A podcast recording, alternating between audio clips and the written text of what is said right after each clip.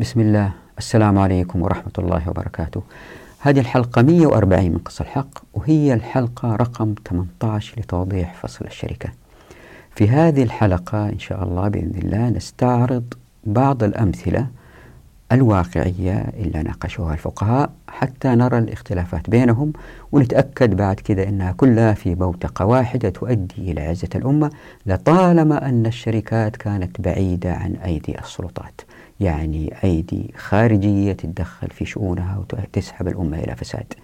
ولأنه هذه الحلقة هي عبارة عن أمثلة فيستحيل على المشاهدين إلا ما شاهدوا الحلقة الماضية من المتابعة. فيليتهم يرجعوا ويشاهدوا الحلقة الماضية حتى يتمكنوا من المواصلة إن حبوا. وإذا لاحظتوا أنه في آخر عشرين حلقة أعتقد كنت كل ستة أيام أنزل حلقة الآن إن شاء الله أحاول أخفضها إلى خمسة وأربع أيام حتى ننتهي من فصل الشركة وندخل في فصل الفصل والوصل والعولمة حتى تروا كيف هي الأمة متخلفة بسبب عدم تطبيقها للشريعة في الحقوق واللي هي أساسا في مخصوص الحقوق علاقة بين الأفراد والسلطات. والآن لإعطاء فكرة عن هذه الحلقة. توضيح بسيط قبل ما نبدأ أنه الذي يشاهد هذه الحلقة سيعتقد أن الشريعة صعبة جدا في التطبيق لأنه فيها تفاصيل قد تصعب على عموم الناس الذين يريدوا استحداث شراكات إنتاجية. وبالتالي الواحد يعتقد أنه في نوع من الصعوبة في تطبيق الشريعة بين عموم الناس. الجواب هو كالآتي إذا الناس مؤمنين يطبقوا الشريعة وتوكلوا على الله. هذه التفاصيل اللي بشرحها أنا هنا وهذه التعليلات اللي وضعها الفقهاء هي كلها للوصول للقول الأمثل من وجهة نظرهم واللي بسويه أنا بعرض هذه الأقوال بحاول أقنع الناس أن الشريعة هي الأصلح لنا وللأجيال القادمة من كل الأنظمة البشرية الوضعية. لذلك فيها صعوبة في المتابعة لأني بحاول أشرح تحليليا كيف ندافع عن الإسلام بطريقة مقنعة. لكن لعموم الناس اللي ما يحتاجوا هذا الشيء يطبقوا الشريعة. يمكن أفضل مثال على كده أنه إذا كان اثنين اشتركوا لصيد السمك واحد بعمله وواحد بشبكته. فمن الأقوال للفقهاء من قال أنه الصيد بكامله للصياد.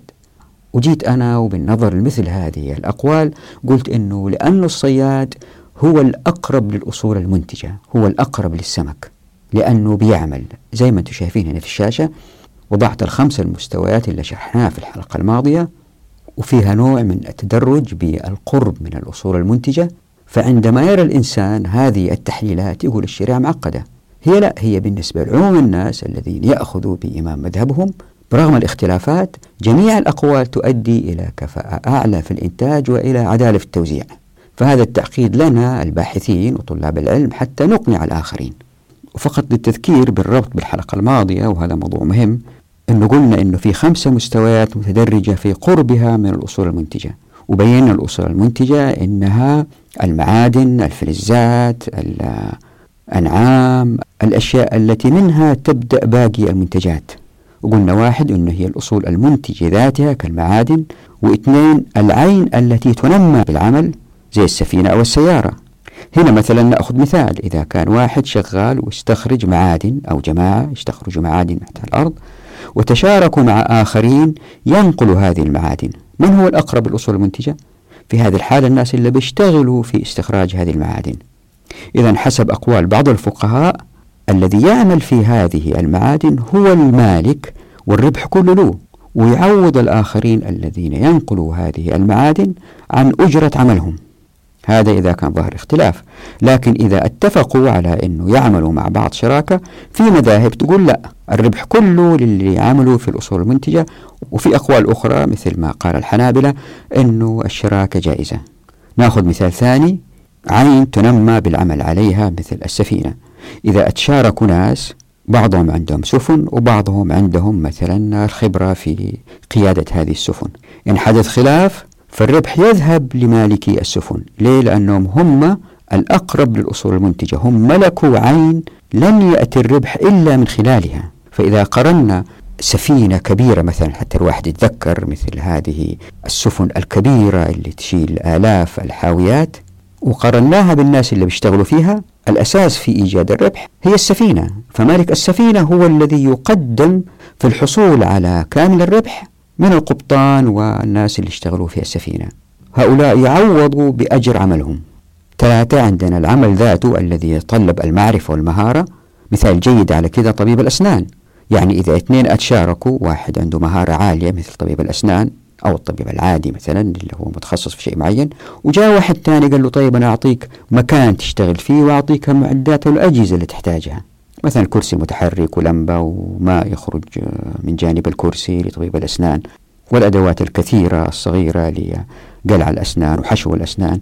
لذلك نجد أن العلماء يقولوا هنا أنه الربح كله يذهب للطبيب بينما لصاحب المكان والمعدات الأجرة لهذه الأشياء. بعد كده الرابع هو العمل المودع والذي يتبلور في أدوات أو آلات العمل زي الشبكة أو المخرطة. فإذا جو اثنين أشتركوا واحد ما عنده أي خبرة تماما صاحب المخرطة هو الذي يأخذ الربح والعامل اللي ما عنده خبرة يعطى أجر يده. لكن إذا كان أشتركوا الاثنين ووافق مالك هذه المعدات أن يكون شريك الشركة جائزة. بعض المذاهب تقول لا الربح لصاحب الأداء الأهم الأكبر يعني وهو مقدم على الإنسان غير الماهر. حتى نثبت هذا الترتيب في هذه الحلقة راح نركز على المذهبين الحنفي والمالكي. وراح نبدأ إن شاء الله بنص من السرخسي ونناقش من نصه بعض النوازل مثل نازلة الصيد كيف إذا اثنين اشتركوا في الصيد واحد عنده الشبكة والثاني العمل ونازلة أخرى واحد أعطى لخياط قماش فلمن تكون الأثواب بعد الانتهاء؟ هل هي شراكة أم هي لصاحب القماش أم هي الخياط فمثلا في هذه الحالة الخياط يمكن إذا كان يعرف أنه هو سيأخذ أجر ولن يكون شريك في الثياب لأن القماش من الشخص اللي أعطاه القماش في الحالة هذه يمكن ما يجتهد في إيجاد ثوب بخياطة راقية بتصميم رائع ليه؟ لأنه هو يأخذ أجرته لكن إذا يدرك أنه سيكون شريك في هذا الثوب وأن الثوب هذا سينباع ولو نصف الربح مثلا أو الثلث حسب الاتفاق سيجتهد في إيجاد ثوب من أجمل ما يكون وبالتالي ترتفع الكفاءة فإذا جاء المذهب وقال هذه الشراكة لا تصح وأن الثوب هو كله لمالك القماش. إلا صار هنا أنه الشراكة أجهضت وفقدت الأمة ظهور هذا الثوب الرائع. لكن إذا اتفقوا الاثنين أنهم يعملوا بالأجر على الأقل العدالة هنا تحققت لأن الشريعة أجازت إقامة هذه الشراكة. طبعا لما أقول أن العدالة تحققت إن لم تقع الشراكة المؤدية لرفع الكفاءة فهذا لا يعني ظهور الظلم. يعني ليس عكس العدالة الظلم في هذه الأحوال. لكن يعني أن العدالة في هذه الحالة سبقت الكفاءة. وأحيانا الكفاءة تسبق العدالة. تذكروا أن هذه مسألة شرحت سابقا. ليتنا نلتفت لهذا التوضيح. بعد كده نأخذ مثال إذا واحد بنى في أرض واحد تاني وإذا كان الأرض ومعدات البناء من شخص ومواد البناء والعمل من شخص آخر هل هذه الشراكة جائزة أو لا؟ ومثل هذه المناقشات أحاول أقنعكم بهذا التدرج الموجود في الشاشة اللي شايفينه وأنه هذا يؤدي إلى كفاءة أعلى مع إنتاجية أغزر ما يؤدي إلى العدالة التي تسحب المجتمع لاستهلاك الضروريات أكثر من الكماليات ما يؤدي إلى إيجاد رخاء من غير تلويث البيئة. لاحظوا أنه في هذه الحلقة إحنا نركز أكثر على الشراكة في الإنتاج بالأدوات. يعني إذا اثنين أتشاركوا في العمل لتوصيل الناس واحد من عنده السيارة واحد من عنده السواقة فالتركيز أكثر هو على السيارة. فلما نقول شراكة أنا دائما بتحدث وأبين أنا أبين هل هي الشراكة في أدوات الإنتاج زي السيارة أو اشتركوا في العمل هذا يشتغل يوم هذا يشتغل يوم مثلا أو الاشتراك في الربح. فالشراكة فيها جميع هذه الأنواع فلا بد أن نكون منتبهين لهذا التفصيص بين الأنواع المختلفة. رح نلحظ من تحليل هذه الاقتباسات للفقهاء أنه أحيانا يدخل تداخل بين الشراكة والإجارة. وحتى أبين هذه المسألة أكرر كلام ابن القيم رضي الله عنه إلا شرحناه في حلقات ماضية. ومن هذه التحليلات أيضا نستنتج أنه الفصل أفضل من حيث الكفاءة بين الشركاء يعني نفصل بينهم. إن كانت العملية الإنتاجية مثل بيع بر في بيت واحد لا تتطلب ضرورة الشراكة. لكن أحيانا العملية الإنتاجية تتطلب الشراكة. مثلا يبغوا يطحنوا طحين للناس. فلا بد من مكان ولا بد من دابة ولا بد من رحى هنا في هذه الحالة نجد أن أقوال الفقهاء تدفع إلى أن الشراكة تحدث مع تلافي الجهالة والغرر. يعني إذا كان في صعوبة في العملية الإنتاجية فالأفضل هو استحداث الشراكة. تلاحظوا في النقاش اليوم أنه أحيانا الإنسان حتى إذا ما وافق العلماء يعني أو العلماء اختلفوا بين بعض تلاحظوا تفكيرهم العميق والراقي والذي يختلف عن العلماء المعاصرين فهم بالفعل علماء عظماء. بعد كده ننظر للمذهب المالكي ولحالة صعوبة إيجاد المنتج من غير الشراكة. والمميز في المذهب المالك هو كراهة مالك رضي الله عنه لبعض الشراكات وقول هذا يؤدي إلى زيادة الكفاءة. فتذكروا بالربط باللي شرحناه في الحلقة الماضية عن الوفرة والندرة. لأنه مالك رضي الله عنه مثلا يقول إذا اثنين أشتركوا وكانت الأدوات من واحد والعمل من واحد آخر فهي بالطبع ليست إن كما أشتركوا والاثنين يملكوا الأدوات. ومثال جيد على كده السيارة.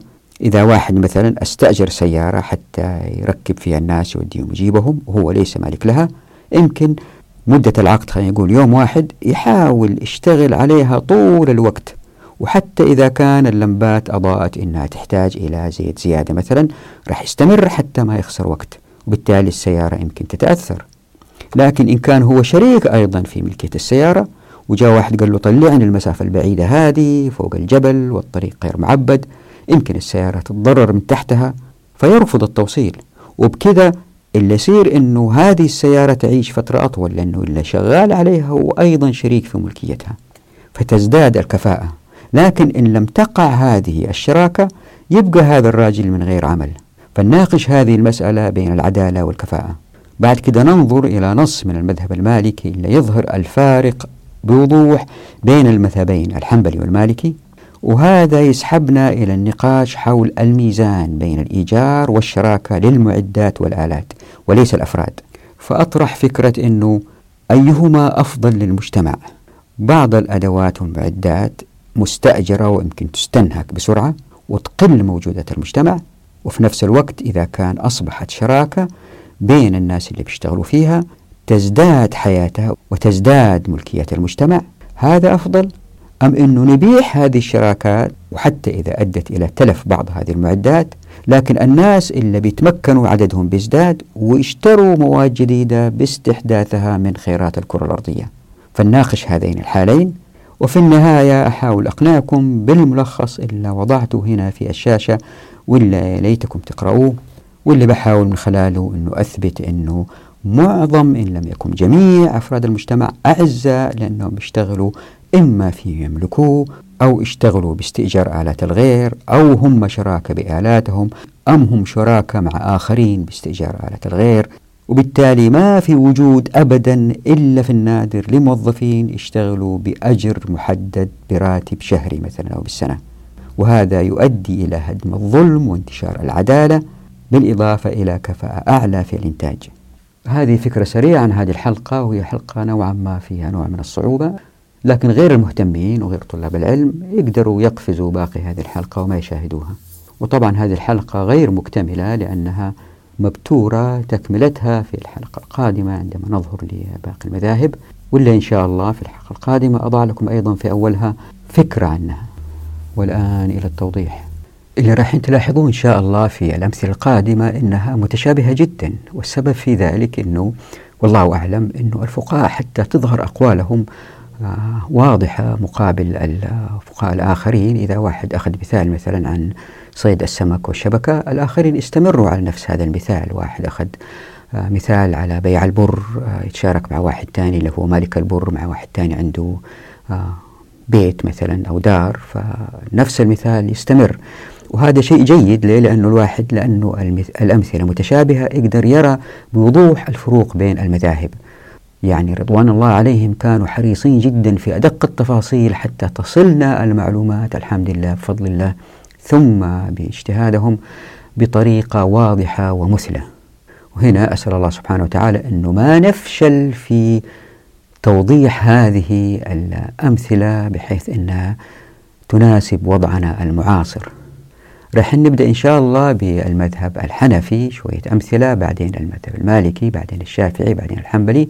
وزي ما وضحت في حلقات ماضية أنه المذاهب باختلاف أقوالهم لكنهم في بوتقة واحدة لكن بعض الأقوال تؤدي إلى سحب الأمة لعدالة. أكثر أولا هذا لا يعني أنه ما في كفاءة ثم الكفاءة.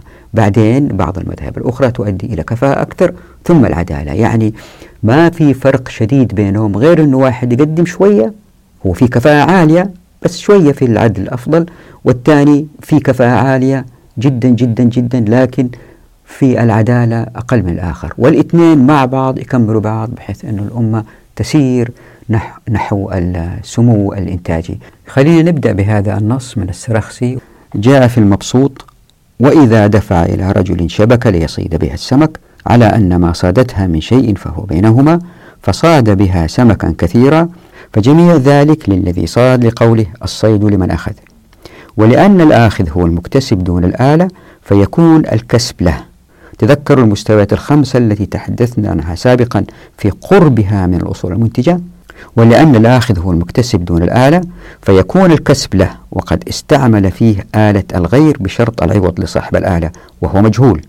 فيكون له أجر مثله على الصياد وكذلك لو دفع إليه دابة يستقي عليها الماء ويبيع عليها أو لينقل عليها الطحين ليبيعه. أو ما أشبه ذلك بخلاف ما إذا أمره أن يؤاجر الدابة.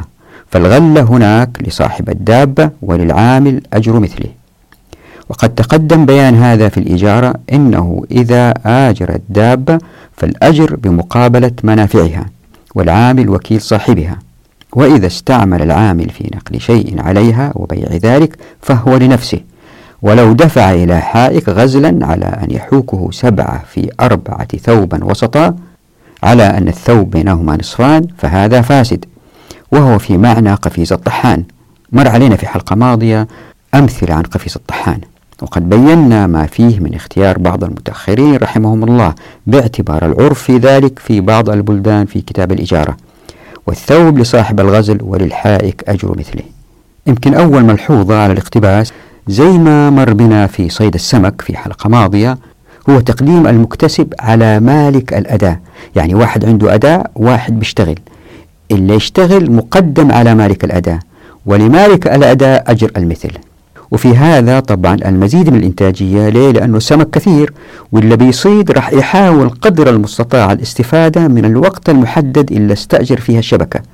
ففي هذا الوقت المحدد له اشتغل بهمة كبيرة حتى زي ما يقولوا الأيام هذه حلل تأجير الشبكة. وبالتالي يصيد أكبر صيد ممكن.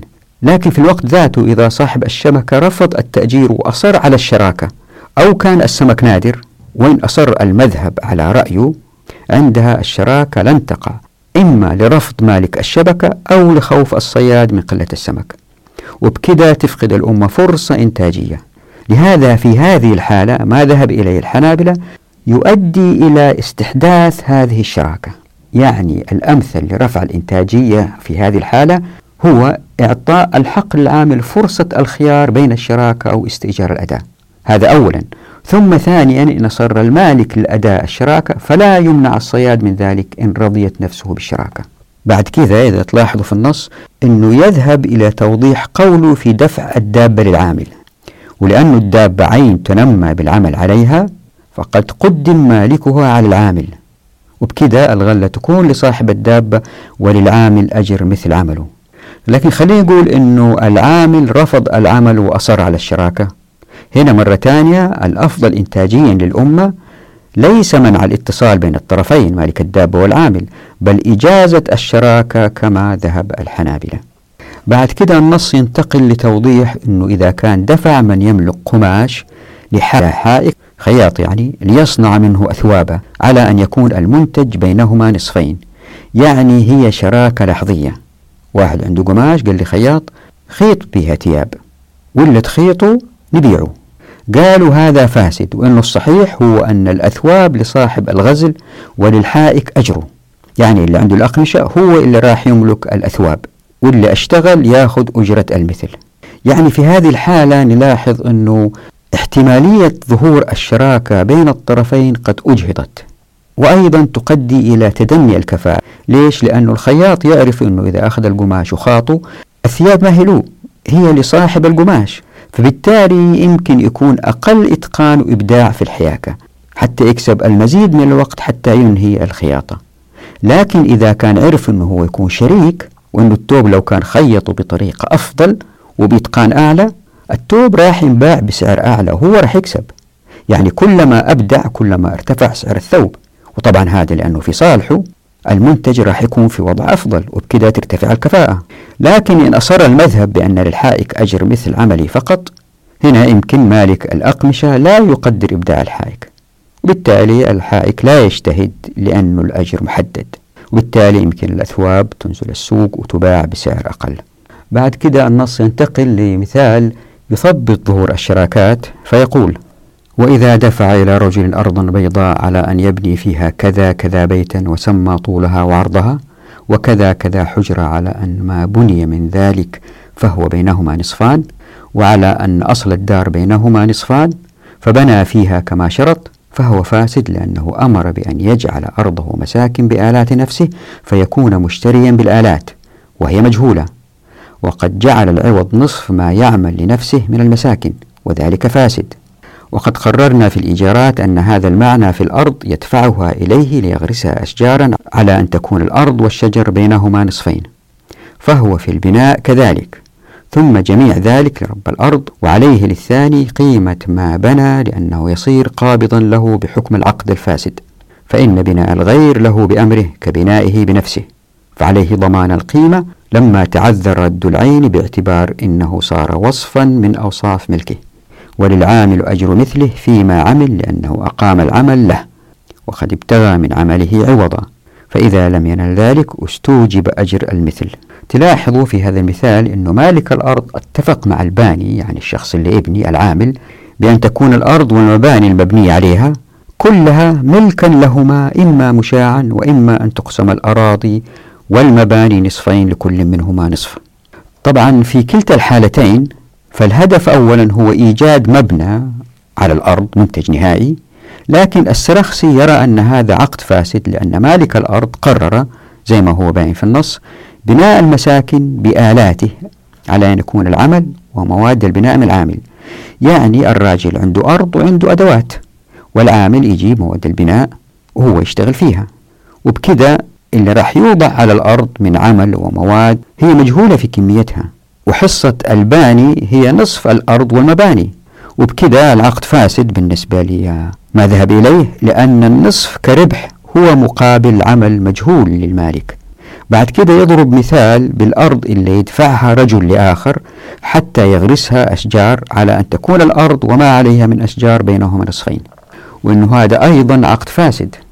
ليه؟ لأنه هو يرى أنه ما يجب أن يكون هو أن تؤول ملكية الأرض بكاملها وما عليها من مباني لصاحب الأرض. وللعامل قيمة ما بني. ولأن المباني قد وضعت على الأرض ويصعب ردها للعامل. على المالك ضمان القيمة للعامل لأن مالك الأرض أصبح مالكا للمباني أيضا. لاحظوا هنا أنه أحد أسباب اعتراض السرخسي هو أنه العامل راح يصير مالك لنصف الأرض. يعني شريك في أصل منتج. وهذا والله أعلم اعتراض يعني ما وجدت له أصل. فمن أين أتى؟ ومع ذلك كل هذه الأقوال هي في بوتقة واحدة لأنها أبعدت السلطات عن الموضوع كله. أنا بضع هذه الأمثلة حتى أسحبكم بالتدريج إلى مسألة رايحين إن شاء الله نوضحها في هذا الفصل ألا وهي الميزان بين الشراكة والإجارة. اتذكروا الكلام اللي مر معانا في حلقات ماضية عن كلام ابن القيم. واللي وضعته هنا في الشاشة وهذا كلام مهم. واللي قال فيه ومنهم من جوز بعض أنواع المساقة والمزارعة ومنهم من منع الجواز فيما إذا كان بعض الأصل يرجع إلى العامل كقفيز الطحان وجوزه فيما إذا رجعت إليه الثمرة مع بقاء الأصل الدر والنسل. والصواب جواز ذلك كله وهو مقتضى أصول الشريعة وقواعدها فإنه من باب المشاركة التي يكون العامل فيها شريك المالك. هذا بماله وهذا بعمله. وما رزق الله فهو بينهما. هنا في هذا النص اللي قاله ابن القيم من قوله والصواب جواز ذلك كله هو أنه هذه الشراكة التي وقعت بين الباني واللي عمل الأرض جائز. فاللي ذهب إليه ابن القيم لم يقف عائق أمام ظهور هذا المبنى وفي هذا إضافة عمرانية للأمة. زائد هذا اللي اشتغل كان يمكن يجلس ما يشتغل فالآن عنده بعض المال. بالتالي أزداد الوضع اقتصاديا عدالة في المجتمع بسبب هذا التوزيع. لكن إن تم المنع فالمبنى قد لا يظهر وتبقى الأرض بيضاء لأنه صاحب الأرض. إنما أراد المشاركة لأنه في الغالب لا مال لديه فما يستطيع استثمار الأرض. فإذا أجهدت الشراكة العامل راح يتردد في البناء لأنه سيحصل على أجره من المالك بعد البناء ومن ثم تأجير العقار أو بيعه. يعني ابني وبعدين استنى الإجارة والبيع. وهذه طبعا فيها مخاطرة كبيرة للعامل. هذا بالإضافة إلى أن العامل راح يكون أكثر همة وسرعة في البناء وإبداع إن ضمن أنه سيكون شريكا في ملكية العقار. ليه؟ لأن العامل إذا أوجد مبنى أفضل الإيجار أو البيع راح يكون بسعر أعلى. والاثنين المالك والعامل راح يربحوا وهنا مسألة مهمة. ألا وهي إن تمت الشراكة بين الاثنين هذا يعني زيادة نسبة الملاك في المجتمع. وهذه ظاهرة إيجابية زي ما كنت أبين مرارا وتكرارا. وهذه مسألة محورية رح نوضحها أكثر في فصل الأماكن إن شاء الله بإذن الله.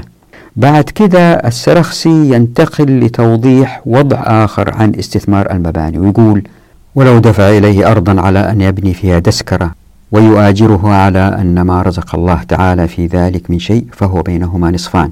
الدسكرة زي ما شايفين هنا في الشاشة هي البناء الكبير الذي حوله حجرات أصغر منه فبناها يعني بنى الدسكرة كما أمره فأجرها فأصاب مالا فجميع ما أصاب من ذلك فهو للباني والبناء له لأن صاحب الأرض هنا شرط البناء لنفسه فيكون الثاني عاملا لنفسه في البناء وإذا كان البناء ملكا له فعليه البناء أيضا وإنما يستأجر البيوت للسكنة وذلك باعتبار البناء. يمكن الأصح تستأجر البيوت. ولهذا لو انهدم جميع البناء لم يكن على المؤاجر للمستأجر أجر بعد ذلك. فلهذا كان الأجر كله لصاحب البناء ولرب الأرض أجر مثل أرضه على الباني لأنه أجر الأرض بنصف ما يحصل من غلة البناء وهي مجهولة. وقد استوفى منفعة الأرض بهذا العقد الفاسد فيلزمه أجر مثلها وينقل الثاني بناءه عن أرض رب الأرض لأن الأرض باقية على ملك صاحبها. فعلى الثاني أن يفرغها ويردها على صاحبها لفساد عقد الإجارة بينهما في الأرض. هنا نلاحظ في هذا المثال أن المالك لم يقطع وعدا للباني أو العامل بأن يكون شريكا لكن فقط للعامل نصف تأجير المبنى الدسكرة وفي هذه الحالة أيضا السرخسي بيقول بأن الصواب هو أن تكون جميع غلة الإيجار للعامل يعني للباني ولصاحب الأرض أجر مثل أرضه. وسبب عدم إجازة هذه الشراكة بالنسبة له هو أنه عادة ما تستأجر المباني للسكنة. ولأن المعيار المهم في تحديد الإجارة هو المبنى وجودته وليس الأرض أيضا. وهذه كانت في أيام السرخسي لأنه كان في إحياء. ولأن المبنى من إنتاج ألباني وليس مالك الأرض منعت الشراكة. واللي أكد هذا التوجه في نظره هو أنه إذا انهدم المبنى فلن يدفع المستأجر للباني أي أجر. كما أن أجرة الأرض مجهولة لأنها جزء محدد من الإيجار المجهول. لهذا فإن العقد فاسد في نظره. طيب إيش هو الحل؟ اجتهد السرخسي وقال بأنه على الباني أنه ينقل المباني التي بناها لتعود الأرض بيضاء ملكا لصاحبها لفساد عقد الإجارة.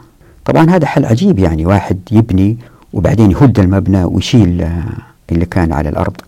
بس هنا في فائدة مهمة آه أنه انتبهوا يا إخوان هذه تأتي في الكلام على التصنيع. وهذا موضح في كتاب عمرة الأرض أنه هذا الكلام برغم أنه أيامنا هذه قد يكون مرفوض يعني كيف واحد يهد مبنى ويشيله فيها خسارة كبيرة.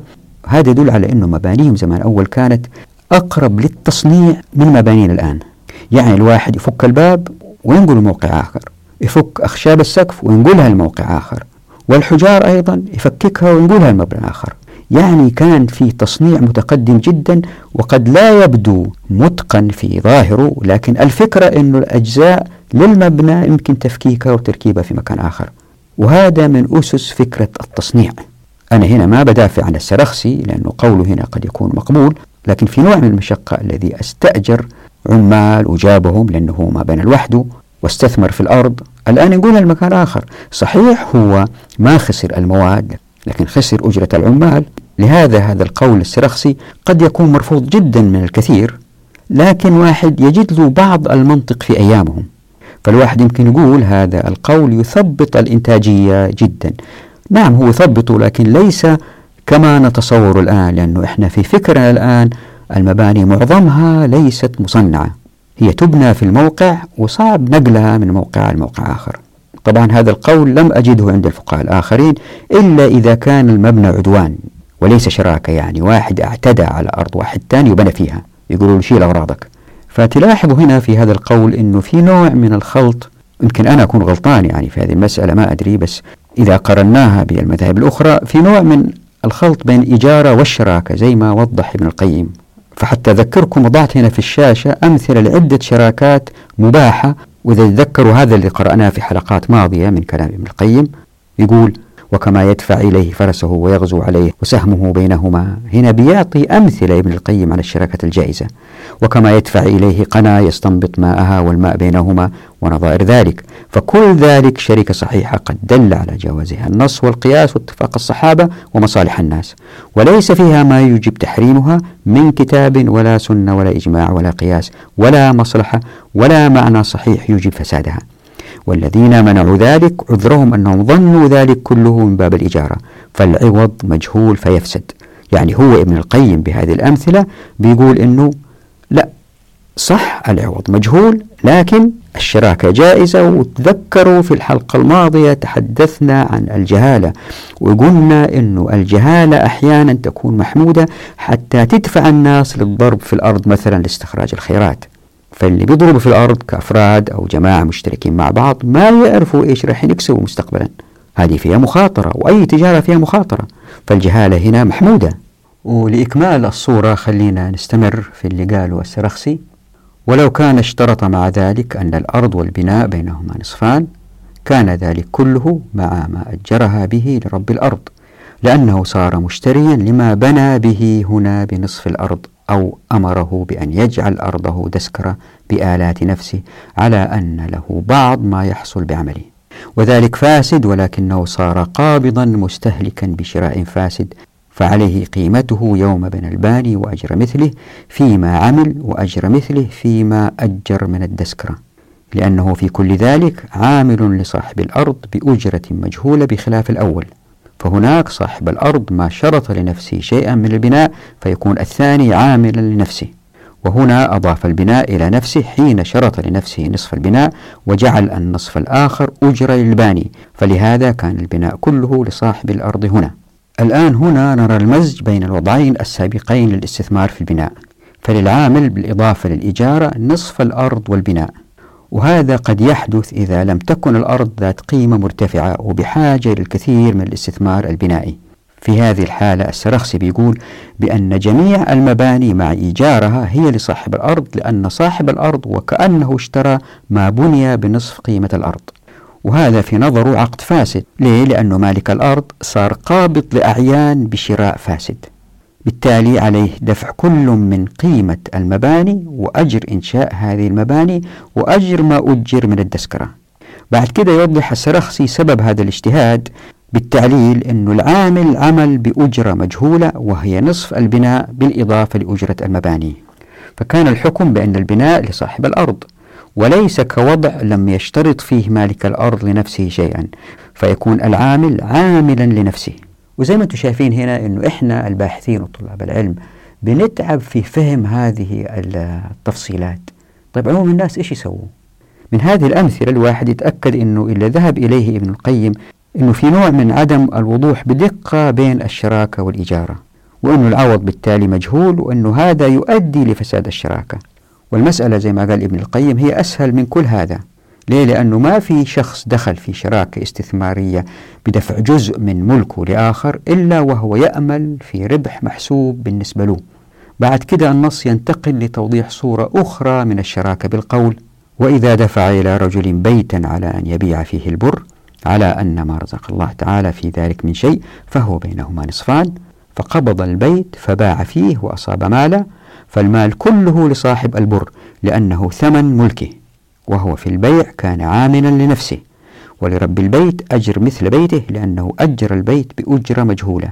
ولو كان رب البيت دفع إليه البيت ليؤجره ليباع فيه البر على أن ما رزق الله تعالى في ذلك من شيء فهو بينهما نصفان فهذا فاسد. فإن أجر البيت فالأجر لرب البيت لأن الأجر عوض منفعة البيت هنا والعامل كالوكيل لصاحب البيت في إجارته. ولكنه ابتغى عن عمله له عوضا لم يسلم له فيستوجب أجر مثله فيما عمل. هنا الآن يمكن لاحظت المثال مختلف فالمبنى في هذا المثال موجود وهي ملك لمالك الأرض فأعطى لواحد يبيع في البر شراكة. يعني المالك شارك بعمل مودع فقبض بائع البر المبنى فباع فيه فكسب. هنا في هذه الحالة حكم السرخسي بأنه لا شراك بين الاثنين. ولكن الكسب كله لصاحب البر لأن المال المكتسب هو من بيع البر والذي لا يملكه صاحب المبنى. لاحظوا المبنى هو أصل منتج. كما أن صاحب البر هو الذي باع. عشان كذا على صاحب البر أنه يدفع لصاحب المبنى مثل الإيجار لأنه الإيجار مجهول. نرى في هذا المثال تقديم العمل الحاضر على العمل المودع. وهذا بالطبع يؤدي المزيد من الكفاءة برغم أن الشراكة قد منعت. ليه؟ لأنه بايع البر راح يجتهد قدر المستطاع لاستغلال وجوده في المبنى حتى يبيع أكبر قدر ممكن من البر. هنا في هذا القول للسرخسي تم الفصل بين الاثنين وبكذا تحولت العملية الإنتاجية من عقد شراكة بين اثنين إلى عقد تأجير عقار من فرد لآخر. السؤال هو أيهما أفضل كإنتاجية من حيث عدالة وكفاءة؟ يعني نصل الاثنين كشراكة أو الفصل بينهما؟ حتى نفهم هذه المسألة أتذكروا اللي قلناه سابقا عن حجم الشراكة وتفتيت العملية الإنتاجية. فإن كانت العملية الإنتاجية لا تتم إلا بالشراكة فاتصال اثنين للعمل معا هو الأفضل بالطبع. لكن إن كانت العملية الإنتاجية لا تتطلب ذلك كما هو حال بائع البر في هذا المثال فالفصل بينهما قد يكون الأفضل من حيث الكفاءة. يعني من الأولى اتباع ما قاله السرخسي في هذه الحالة على أن لا يؤدي ذلك لإجهاض الشراكة. بل إجازتها إن أصر مالك المبنى على الشراكة ليزداد الإنتاج. الآن خلينا ننظر لبعض الأمثلة من المذهب المالكي. جاء في المدونة الكبرى قلت لابن القاسم أرأيت إن اشتركنا ثلاثة نفر لي بيت ولصاحب الرحى ولصاحب الآخر البغل على أن ما أصبنا من شيء فهو بيننا سواء وجهلنا أن يكون هذا غير جائز فعملنا على هذا فأصبنا ماله يعني كسبه فقال يقسم المال بينهم أثلاثة إن كان كراء البيت والدابة والرحى معتدلة. يعني متقاربين في الإيجار. قلت فإن كان مختلفة قال يقسم المال بينهم أثلاثة لأن رؤوس أموالهم عمل أيديهم فقد تكافأوا فيه ويرجع من له فضل كراء في متاعه على أصحابه. قلت فإن لم يصيبوا شيئا يعني ما كسبوا. قال يترادون ذلك فيما بينهم ويرجع بذلك بعضهم على بعض إن لم يصيبوا شيئا بفضل الكراء. وهذا عندي مثل ما قال مالك في الرجلين يشتركان. يأتي أحدهما بماء الدرهم والآخر بخمسين درهما على أن الربح بينهما نصفين. قال مالك لا خير فيه. شوفوا الرقي في الفهم. ما يقول حرام ما يجوز. ويقتسمان الربح على قدر رؤوس أموالهما ويقام لصاحب الخمسين الزائدة عمله في خمسة وعشرين درهما لأن الخمسين الزائدة عمل فيها جميعا. فعمل صاحب الخمسين الزائدة في خمسة وعشرين منها وعمل صاحبه في خمسة وعشرين من الخمسين الزائدة. فله أجر مثله فيما عمل فإن لم يربحا ووضعا كانت الوضيعة عليهما يعني خسروا. على قدر رؤوس أموالهما ويكون لصاحب الخمسين أجر عمله في الخمسة والعشرين الزائدة التي عمل فيها. إذا قارنا المذهبين الحنفي والمالكي نلحظ الآتي. أن المذهب المالكي أكثر جمع من المذهب الحنفي للحركيات التي تؤدي للكفاءة والعدالة. ففي هذا الاقتباس في المدورة الكبرى سأل سحنون ابن القاسم عن شراكة يصعب تفتيتها لإيجاد المنتج. خلوا بالكم. هذه شراكة صعب أنها تتفتت. ألا وهي اشتراك ثلاثة أشخاص واحد يملك البيت والثاني الرحى والثالث الدابة على أنهم يتقاسموا الربح من الطحن. ومن صيغة السؤال هذا في المذهب المالكي غير جائز لأن السؤال هو عن كيفية تقسيم الأرباح لأن الشركاء جهلوا أنه هذا غير جائز. فكانت الإجابة في تقديم عمل الأيدي على الأدوات. والأدوات زي ما قلنا عمل مودع وعمل الأيدي عمل مشاهد. وأن هؤلاء الثلاثة عملوا سوية. فهم إذا متساوون في رأس المال لأن رأس مالهم هو عملهم. لذا فإن الربح يجب أن يقسم بينهم بالتساوي إن كان كراء الدابة والبيت والرحى متعادلين متقاربين. لكن إن كان الكراء مختلف عندها فلا بد وأن يرجع من له فضل كراء على الآخرين. يعني إذا كان البيت إيجاره أعلى من الرحى وكأنه مالك البيت دخل برأس مال أعلى. وهنا وضعت تحت الحرف راء جزء من ذلك الاقتباس اللي مر فينا في شركة الأبدان. فياريتكم إذا حبيتوا توقفوا الشاشة وتقرأوه وبالطبع إذا أصر المذهب المالكي على عدم جواز الشراكة إلا إن تساوت أدوات الإنتاج في قيمتها هذا راح يجهد فرصة ظهور المنتج. في هذه الحالة يمكن الأصلح الأمة الأخذ بما ذهب إليه الحنابلة لأنه يؤدي إلى إيجاد ناس كان يمكن ما يشتغلوا والآن اشتغلوا لكن في الوقت ذاته الكفاءة زي ما رح نوضح لن تكون عالية كما إذا اشترط المالكية. والملفت في النص اللي قرأناه الآن ما الذي سيحدث إن لم يكسب العاملون شيئا؟ علما أن أدواتهم مختلفة في كرائها. كان الرد أنه على الشركاء أن يترادوا فيما بينهم فارق كراء الأدوات يعني مقاصة. في اللي أدواته أعلى في الكراء له أن يأخذ من الآخرين مقدار الفارق في الكراء. هنا تلاحظوا إصرار احتساب العمل المودع كرأس مال. بينما الاقتباس يقول بأن رؤوس أموالهم هو عمل أيديهم فقط. وهذا قد يؤدي لإجهاض الشراكة لأنه بعض الشركاء رايحين يترددوا في الشراكة. ليه؟ لأنهم يعرفوا أنهم رايحين يدفعوا الفارق لمثل أجرة آلات الشركاء الآخرين إذا ما ربحوا.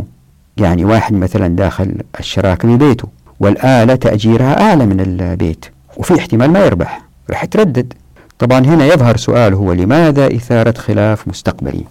وإثارة هذا السؤال هو بسبب آلآتي أنه في الشراكة عموما زي ما مر بنا ما في تعويض لمجهودات أي شريك إن خسرت الشراكة. الخسارة تقع على رأس المال. وزي ما شايفين هنا لأنه هذه إشكالية الواحد يتوقع مباشر أنه هذا الرأي صعب الواحد يقول شاذ لكن ما هو مربوط بالقياس لحاجة موجودة في الشريعة؟ هي وجهة نظر. ليه؟ لأنه الأصل زي ما هو معروف أنه الوضيعة على رأس المال. عندها ما في ظلم لمن ملك الكثير من العمل المودع الأدوات يعني لأنه وكأنه رأس مال. ولأنه ما دخل الفرد الشراكة إلا هو يدرك أنه سيستفيد من الطرف أو الأطراف الأخرى التي قد تملك أدوات أقل منه لكن مهارة أكبر منه. وهذا يظهر بوضوح من المثال الذي وضحه الاقتباس في الرجلين يشتركان واحد يدفع 100 والآخر 50 درهم. على أن الربح بينهما نصفين. طيب صاحب المية ليش رضي؟ لأنه يعرف أنه صاحب الخمسين عنده مهارة أو أنه يبادر أكثر ويشتغل فترة أطول. فصاحب المئة يدرك أنه صاحب الخمسين أكثر خبرة أو وجاهة أو تفرغ. وفي هذا مصلحة للطرفين. لكن المذهب هنا يرى أن يقسم الربح أو الخسارة على قدر رؤوس الأموال على أن يترادوا فيما بينهم أجرة عملهم في الشراكة. إذ أن صاحب الخمسين الزائدة له أن يأخذ مثل أجر عمله يعني لا عبرة لاتفاق الشركاء في هذه الحالة.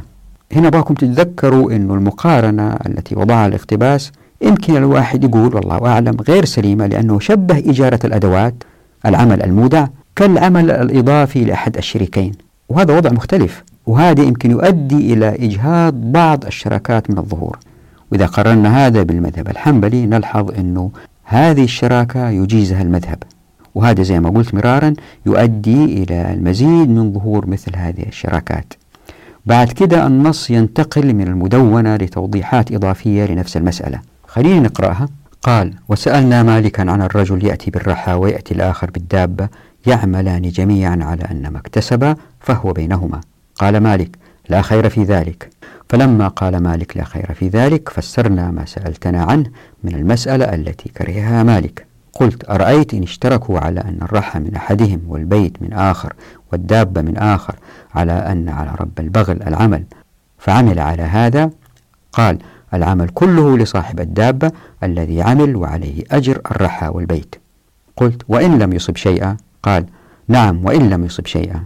قلت لما جعلت جميع العمل لهذا الذي اشترطوا عليه العمل ولم تجعل أصحابه معه شركاء في الرحى والبيت وقد أشركت بين الذين عملوا بأيديهم في المسألة الأولى. قال لأن أولئك لم يسلم بعضهم إلى بعض ما في يديه وكأن بعضهم آجر سلعة بعض على أن اشتركوا في العمل بأيديهم. وإن هذا الذي سألت عنه الذي اشترط عليه العمل وحده ولم يعمل أصحابه معه أسلم إليه الرحى والبيت. فعمل بهما فهو كأنه أعطى رحا وبيتا وقيل له اعمل فيه على أن لك نصف ما تكسب ولنا النصف أو الثلث. فإنما هو استأجر هذه الأشياء بثلث أو بنصف ما يكسب فيها. فالإجارة فاسدة فعليه أجر مثلها. تلاحظ هنا في النص أن مالك رضي الله عنه وأرضاه ما أرتاح لهذه الشراكة. يعني الشراكة بين اثنين يعملان معا إن كان من أحدهما الرحى ومن الآخر الدابة لطحن المواد الغذائية. وزي ما هو معروف أن عملية الطحن هذه في زمنهم لا بد لها من هذين العنصرين يعني الدابة والرحى يعني يصعب الفصل بين فردين للعملية الإنتاجية إن كانت ملكية كل آلة لفرد مختلف. وهذه ليست كمثال بائع البر الذي سبقت مناقشته إذ يمكن الفصل بين الاثنين للإنتاج. ومع هذا فقد منعت شراكة الطحن. إلا أنه إن كان العمل من أحدهم وهو صاحب الدابة إن اشترك ثلاثة أفراد من واحد الرحى ومن الآخر البيت ومن الثالث الدابة فإن لصاحب الدابة جميع الغلة وعليه أن يدفع لصاحبي الرحى والبيت مثل إيجارهما حتى وإن لم يكسب شيئا. لاحظوا هنا أن العمل المباشر قدم على العمل المودع. وطبعا إن كانت في العملية الإنتاجية أدنى مخاطرة فصاحب الدابة ما رح يقدم على العمل وبكده تفقد الأمة فرصة إنتاجية. وبعدين عندما سئل ابن القاسم على الفرق بين جعل صاحبي الرحى والبيت اللي اشتغلوا مع بعض مع صاحب الدابة كشركاء في الحالة الأولى وليش ما جعلهم شركاء في الحالة الثانية كان التبرير بالإجابة أنه صاحب الدابة في الحالة الثانية ولأنه عمل منفردا وكأنه استأجر البيت والرحى لأن الآخرين سلماه البيت والرحى وهذه إجارة فاسدة في نظره لأنها مجهولة فإن عليه مثل أجرهما. وبالطبع زي ما وضحنا فبرغم أن هذا القول قد يؤدي للمزيد من الكفاءة لأنه صاحب الدابة راح يثابر في العمل للمزيد من الإنتاج لاستغلال مدة إجارة البيت والرحى. طبعا لا تنسوا مع احتمال تأثر البيت والرحى من كثرة أو سوء الاستخدام لأنها أعيان ليست شراكة في ملكيتها. لكن عدم إجهاض الشراكة هو في صالح الأمة إن أراد الثلاثة الشراكة بأدواتهم على أن يكون العمل من أحدهم. فإن خسروا خسر العامل عمل يده وخسر ملاك الآلات جزءا من إيجار آلاتهم. وبعد كده يستمر النص ويأتي مثال ناصع للفرق بين المذهب المالكي والمذهب الحنبلي في هذه المسألة. ولأنه نص طويل وضعته في لوحتين وما في داعي نقرأه. وتلاحظوا أن الاختلاف يظهر بوضوح في الحالة اللي دفع فيها الرجل دابته أو سفينته لواحد تاني حتى يشتغل فيها. فالمذهب المالكي لا يجيز هذه الشراكة لكن لصاحب الدابة أجر المثل. وجميع الغلة لمن عمل على الدابة يعني تقديم العمل المباشر على العمل المودع. هنا نأتي لمسألة دقيقة ومهمة ألا وهي حركية إيجاد ميزان بين الكفاءة والعدالة. وهذا الميزان هو في الغالب في يد الأفراد اللي يعرفوا مصالحهم عن قرب. كيف؟ خلينا في باقي هذه الحلقة نتوقف ونشرح الميزان بين الإجارة والشراكة. وفي الحلقة القادمة نعود للأمثلة ونكمل باقي المذاهب إن شاء الله بإذن الله. يمكن إذا لاحظتوا لما كنا نتحدث عن الاستئجار إحنا بنتحدث عن استئجار الأدوات اللي هي أدوات الإنتاج وليس الأفراد. يعني في كل هذه الشراكات ما كان في فرد اشتغل كموظف. فالأفراد في هذه الأمثلة اللي ناقشناها أما إنهم مشتركين بأدواتهم أو إنهم يأخذوا أجر مقابل أدواتهم. وإن وجد إيجار في هذه الشراكات فهو إيجار مقابل عمل معين يعني عمل مقاولة لإنهاء مهمة معينة. وليس أجر شهري زي اللي يأخذوه الموظفين هذه الأيام اللي يشتغلوا في الشركات المعاصرة مثلا أو العمل الصغيرة. زي واحد شغال في بقالي براتب شهري طبعا في فرق شاسع بين الحالتين من حيث الكفاءة والعدالة. حتى أوضح هذه المسألة خلينا نستخدم هذا المثال اللي هنا في الشاشة. فإذا لم تتم إجازة يعني لو جائز الشراكة كما ذهب المالكية فالعامل على الدابة ما راح يستأجرها إلا إن كان الربح شبه مضمون. يعني ما راح يخاطر إلا في حدود معينة. وفي هذا تخفيف الإنتاجية على مستوى الأمة. يعني العامل راح يستأجر الدابة إذا تأكد أنه سيربح طيب إيش اللي يصير عندها؟ عندها يمكن ينهك الدابة ليه؟ لأنه راح يعمل عليها قدر المستطاع لاستغلال وقت عقد الإجارة يعني إذا كان إيجارها 8 ساعات يمكن ينهك الدابة ما يخليها ترتاح ما يشربها موية مثلا وإذا استأجر سيارة مثلا لمدة يوم حتى يشتغل عليها يمكن يسوقها بالقليل من التوقف يعني باستمرار وحتى إذا كان بعض أجهزتها مؤشراتها أظهرت أنها بحاجة لصيانة مثل حاجة لتغيير معدات المكابح يعني العمل على الدابة أو السيارة. هو مجهول في حق مالك السيارة أو الدابة. حتى إذا وضعت شروط لضبط كمية الاستخدام وكيفية استخدامه زي ما هي حالات السيارات الآن اللي يستأجروها الناس. يقولوا له مثلا ما تمشي أكثر من 100 كيلو يقولوا له مثلا زي ما استلمتها ترجعها. حتى مع هذه الشروط إذا واحد جلس مع الناس اللي أجروا سيارات اسمع قصص عجيبة جدا. وهذه وقعت لي مع واحد كان يأجر سيارات.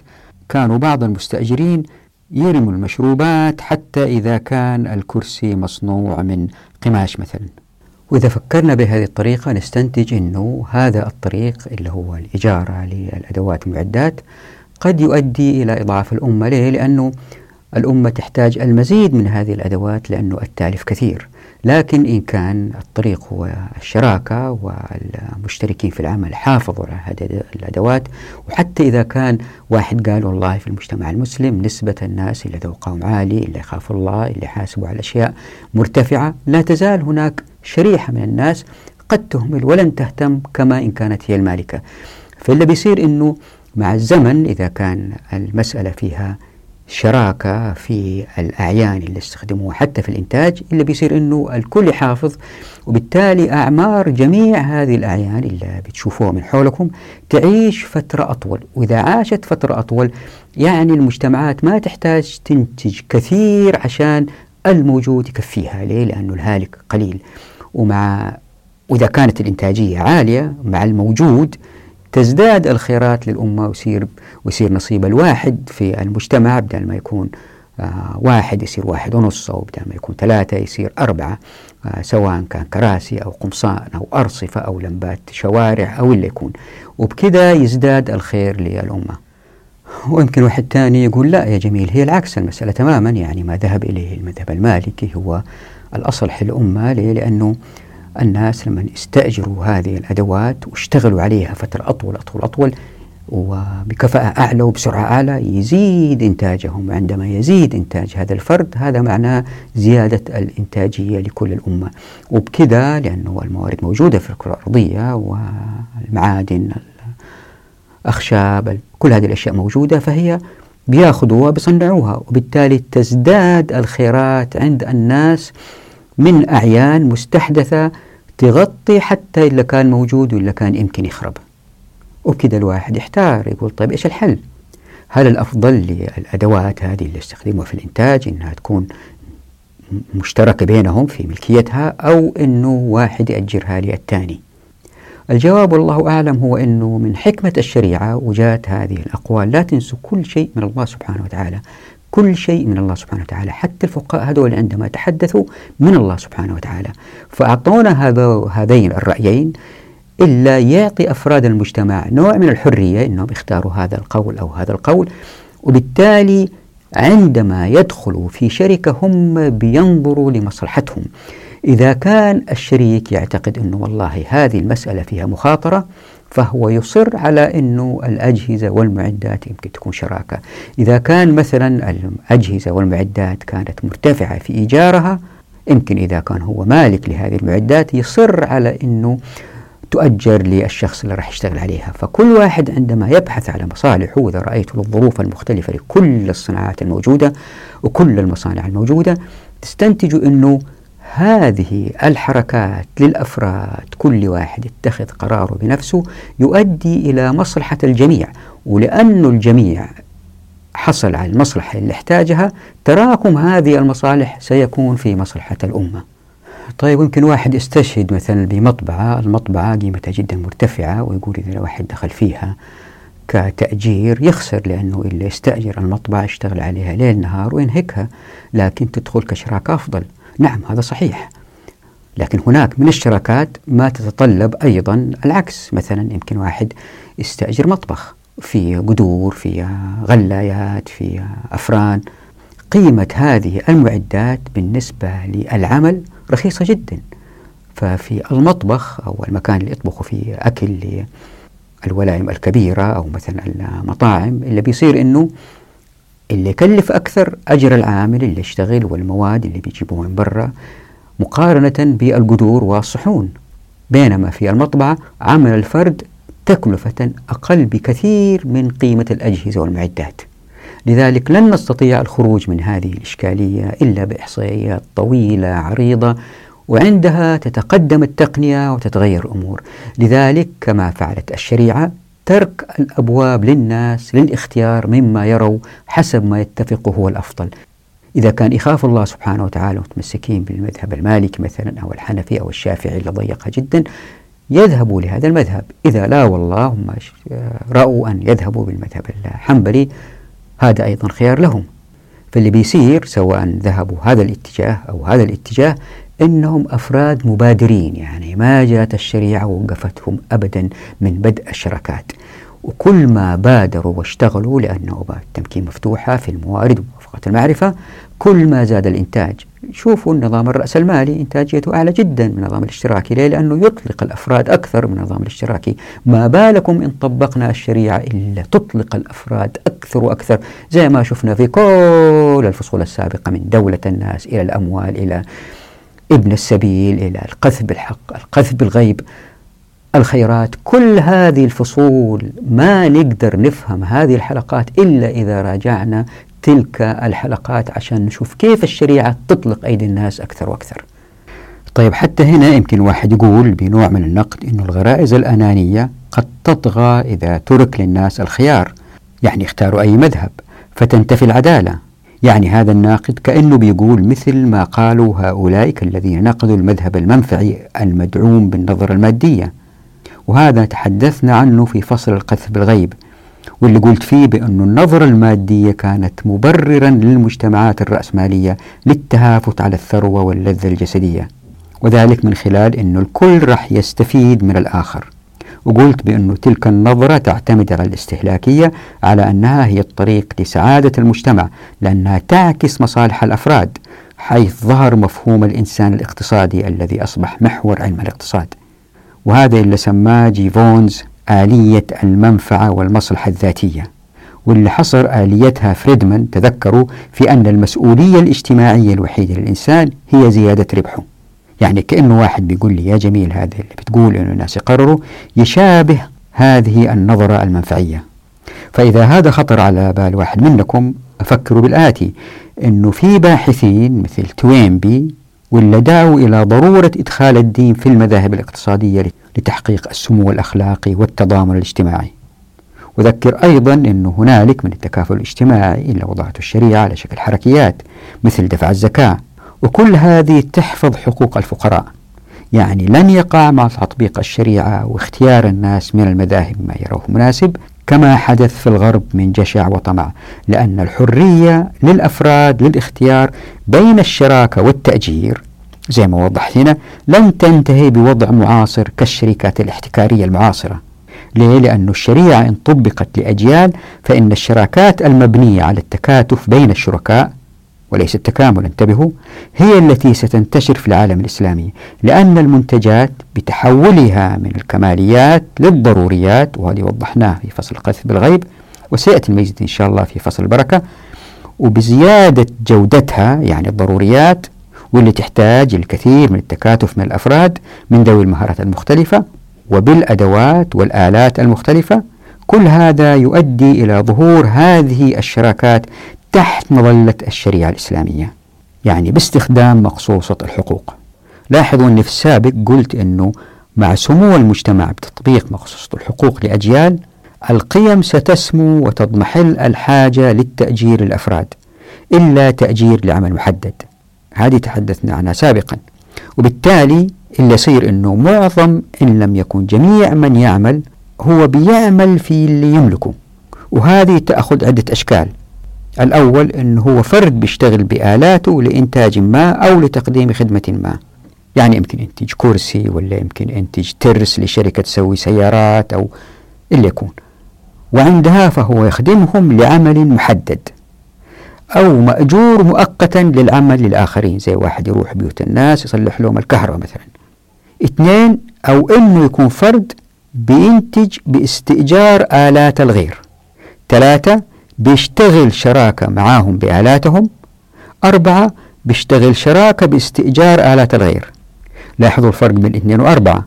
في اثنين هو فرد بيشتغل باستئجار آلات الغير. أربعة بيشتغل شراكة مع آخرين باستئجار آلات الغير. يعني في جميع الأحوال ما في وجود لموظفين مأجورين بالشهر أو بالسنة.